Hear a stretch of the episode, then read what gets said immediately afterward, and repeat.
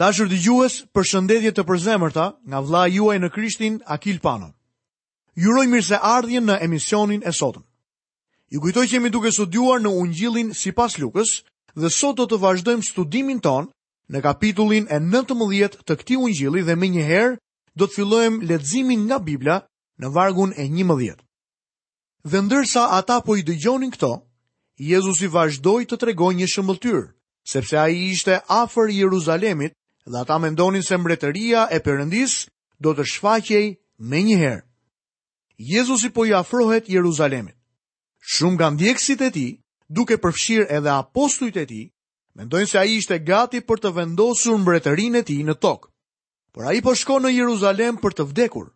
Ai po u tregon atyre se mbretëria do të shtyhet. Lexojmë më poshtë vargun e 12. Tha pra, një njeri fisnik shkoi në një vend të largët për të marrë në dorëzim një mbretëri dhe pastaj të kthehej. Një njeri fisnik përfaqëson Zotin Jezu Krisht. Ai do të marrë mbretërinë nga Ati i Tij dhe jo nga ne. Ai nuk do t'i kërkojë askujt të votojë për të kur të vijë herës tjetër. Njerëzit ose do ta pranojnë dhe do të shpëtojnë, ose do të shkatërrohen. Herën e parë, Zoti Jezus erdhi si shpëtimtar. Herën e dytë, ai do të vijë si mbret. Lexojmë vargun 13 dhe 14. Dhe si i thirri 10 shërbëtorët e vet, u dha dhjetë mina dhe u tha atyre, Tregtoni derisa të kthehem. Por qytetarët e vet e urrenin dhe i dërguan pas një përfaqësi duke thënë, Nuk duam që ky të mbretërojë përmbi ne. Ky është mesazhi që bota ka për Jezu Krishtin sot. Gjithsesi, kjo nuk ka për të bërë që Zoti të mos e dërgojë Birin e Tij sërish në tokë. Ata u rebeluan kundër Zotit dhe Shpëtimtarit, Mesias së Tij. Ata nuk donin që Ai të mbretëronte mbi ta, kështu që ata e gozhduan Jezusin në kryq. Le të hedhim një vështrim në vargun 15 deri në vargun e 17. Dhe kur Ai u kthye, pasi e mori në dorëzim mbretërinë, urdhëroi t'i thërresin ata shërbëtorët, të cilëve u kishte dhënë paratë për të marrë vesh sa kishte fituar secili duke tregtuar. Atëherë doli i pari dhe tha, Zot, minaja jote dha dhjetë mina të tjera. Dhe ai i tha, Mirë o shërbëtor i mirë, sepse ke qënë besnik në gjëra të vogla, merr sundimin mbi dhjetë qytete. Ndërkohë që zotëria ishte larguar, të ka dhënë ty një mina. Ai ka dhënë gjithsecilit prej shërbëtorëve të tij një mundësi dhe kjo mundësi është minaja. Ti duhet të jesh besnik për atë që Jezusi të ka vënë kujdestar.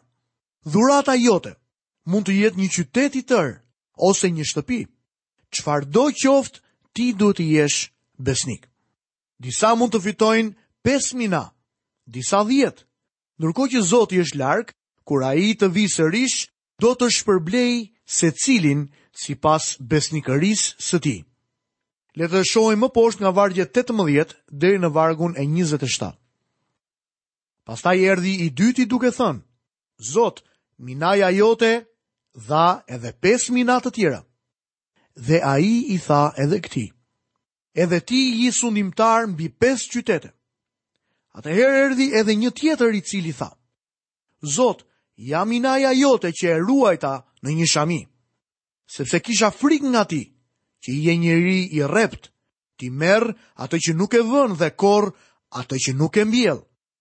Dhe Zoti i tij i tha, Do të të gjykoj nga vetë fjalët e tua, o shërbëtor i keq. Ti e dije se jam njeri i rreptë, që marr atë që nuk kam vënë dhe korr atë që nuk kam mbjellë. Përse nuk e vure paranë në bankë, që kur të kthehem, ta marr bashkë me përqindje? Pastaj u tha të pranishmëve, merrjani minanë dhe ia jepni atij që ka dhjetë mina. Dhe ata i thanë, Zot, po ai ka dhjetë mina? Unë po ju them, se atij që ka, do t'i jepet, por atij që s'ka, do t'i hiqet edhe ajo që ka. Veç kësaj, i sillni këtu armiqtë e mi, të cilët nuk donin që unë të mbretëroja mbi ta dhe i vritni përpara meje. Kur Jezusi të kthehet, do t'i shpërblejë sipas besnikërisë së tyre të gjithë. Pra besnikëria është një gjë shumë e rëndësishme. Lexojmë vargun e 28. Mbasi tha këto gjëra, ai shkoi përpara duke u ngjitur në Jeruzalem. Jezusi vazhdon rrugën për në Jeruzalem për ta dorëzuar veten e tij në duart e armiqve. Ungjijtë na prezantojnë një pamje të përbërë të asaj që quhet hyrja triumfale e Jezusit në Jeruzalem. Nëse i bashkojmë ungjijtë, përfundimi është i qartë. Ai hyri tre herë në Jeruzalem, një herë në ditë, në tre ditë të ndara. Së pari, Jezusi hyn në Jeruzalem të shtunën ose ditën e sabatit. Në atë ditë nuk kishte këmbyes parash. Jezusi pa rreth e rrotull dhe u largua. Tek ungjilli sipas Markut, kapitulli 11, dhe vargu njëmbëdhjetë shohim të dokumentuar këtë varg. Kështu hyri Jezusi në Jeruzalem dhe në tempull, dhe mbasi shikoi mirë çdo gjë, duke qenë se ishte vonë, doli bashkë me të dymbëdhjetët në drejtim të Betanias. Ai hyri si prift. Së dyti, shohim që Jezusi hyn të dielën ditën e parë të javës. Këmbyesit e parave ishin aty dhe ai pastron tempullin. Është një shkrim i dokumentuar tek Mateu kapitulli 21 vargjet 12 dhe 13. Dhe në këtë hyrje Jezusi nuk hyn si prift, por ai hyn në Jeruzalem si mbret. Së treti, për të tretën herë Jezusi hyn të hënën ditën e dytë të javës në Jeruzalem. Dhe shohim Jezusin i cili qan mbi Jeruzalem dhe hyri në tempull duke mësuar dhe duke shëruar. Dhe në këto momente ne shohim Jezusin që të hyjë si profet. Le të shohim dhe të lexojmë së bashku tek Ungjilli sipas Lukës kapitulli 19, vargjet 29 deri në vargun 34. Dhe si iu afrua Betfagës dhe Betanias, afër malit që quhet i Ullinjve, dërgoi dy nga dishepujt e vet, duke u thënë: Shkoni në fshatin përballë dhe kur të hyni,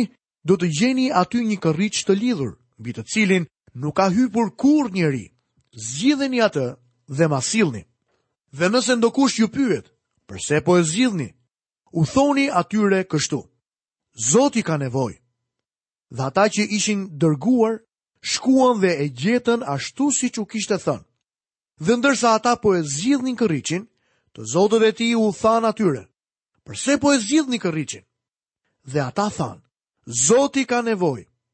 Kur lexoj këtë ngjarje, Jezusi u tregoi se çfarë të thonin në rast se ndonjëri i pyeste. Pika kyçe në këtë pasazh është se Jezusi shpall autoritetin e tij duke thënë, Zoti ka nevojë. Lexojmë vargjet 35 deri 38. Dhe e prunë pra tek Jezusi, dhe mbasi i hidhnin rrobat e veta mbi kërriçin, e hipën Jezusin mbi të. Dhe ndërsa ai ecte kështu përpara, ata shtronin rrobat e tyre në rrugë. Dhe kur ai iu afrua tëposhtës së malit të Ullinjve, gjithë turma e dishepujve, filloi me gëzim të lavdërojë Perëndinë me zë të lartë për të gjitha veprat e pushtetshme që kishin parë, duke thënë, Bekuar qoftë mbreti që po vjen në emër të Zotit, paqe në qiell dhe lavdi në vendet shumë të larta. Turma e njerëzve nuk e dinte kuptimin e plotë të këtij veprimi. Pak ditë më vonë, turma do të thërriste. Kryqëzojeni atë! Madje as dishepujt nuk e dinin kuptimin deri disa kohë më vonë. Te Gjoni kapitulli 12 dhe vargu i 16, shohim të dokumentuara këto fjalë. Dishepujt e tij nuk i kuptuan për momentin këto gjëra. Po kur Jezusi ishte përlëvduar, atëherë u kujtuan se këto gjëra ishin shkruar për të dhe që i kishin bërë këto gjëra për të. Lexojmë poshtë vargjet 39 deri 40. Disa farisenj që ishin midis turmës i thanë: Mësues, qortoji dishepujt e tu. Dhe ai duke u përgjigjur u tha atyre: Unë po ju them se nëse këta do të heshtin, gurët do të bërtisnin. Episodi i ardhjes së tij në Jeruzalem, ashtu siç veproi Zoti Jezus Krisht, u bë për të ndërsyer krerët romakë të vepronin për shkak të dy gjërave që Jezusi bëri. Së pari, Jezusi pranoi nderimin e njerëzve, përkuljen dhe besnikërinë e këtyre ndjekësve. Dhe së dyti, Jezusi nuk i ndaloi ata, Zoti Jezus e pranoi që bëhej fjalë për çështje të përjetshme dhe kuptimplote dhe ndalimi i dishepujve të tij do t'i detyronte gurët e heshtur të thërrisnin. Në fakt, ata bërtitën kur Nehemia rindërtoi muret dhe portat e qytetit, kishte një mesazh në ata gurë. Vetë gurët dhe muret po shpallnin mesazhin e Ungjillit dhe portat po bërtisnin qartë. Psalmi njëzet e katër dhe vargu i shtatë na thotë, O ju porta, çoni kokat tuaja, dhe ju porta të përjetshme, hapuni krejt, dhe mbreti i lavdisë do të hyjë. Duhet kujtuar se e ashtuquajtura hyrje triumfale përfundoi me kryqin. Zoti Jezu Krisht do të vijë herën e dytë në triumfin e tij të plotë. Shkruesi i Hebrenjve në kapitullin e nëntë të këtij libri dhe vargun e njëzet e tetë na thotë: Kështu edhe Krishti, pasi u dha vetëm një herë për të marrë mbi vete mëkatet e të shumëve, do të duket për së dyti pa mëkat për ata që e presin për shpëtim. Herën e dytë kur Zoti ynë të vijë në këtë tokë, këmbët e tij do të qëndrojnë mbi malin e ullinjve. Pastaj Zoti do të hyjë në Jeruzalem. Hyrja e vërtetë triumfale do të jetë në ardhjen e tij të dytë. Hyrja e tij e parë në Jeruzalem e çoi Jezusin në kryq për të vdekur për mëkatet tona. Me anë të vdekjes dhe ringjalljes së tij, ne na është ofruar shpëtimi i amshuar i Perëndisë. Lexojmë sërish te kapitulli 19 i Lukës, vargun 41 dhe 42. Dhe kur ai po afrohej, e pa qytetin dhe qau mbi të duke thënë, O sikur ti, pikërisht ti, të njihje të paktën në ditën tënde, ato që janë të nevojshme për paqen tënde, por tashti ato janë të fshehura për sytë e tu. Miqtë e mi, ato gjëra ende janë të fshehura për sytë e tyre. Kam parë një fotografi të një mbledhjeje që ata kanë bërë kohë më parë në Jeruzalem. E shpalosur përtej auditorit qëndronte një parullë e madhe që lexonte. Shkenca do të na japë paqe në ditët e sotme. Deri tani shkenca nuk u ka sjellë njerëzve të popullit të Izraelit paqen. Përkundrazi, ka prodhuar armë të sofistikuara dhe bomba atomike, por nuk ka sjellë paqe.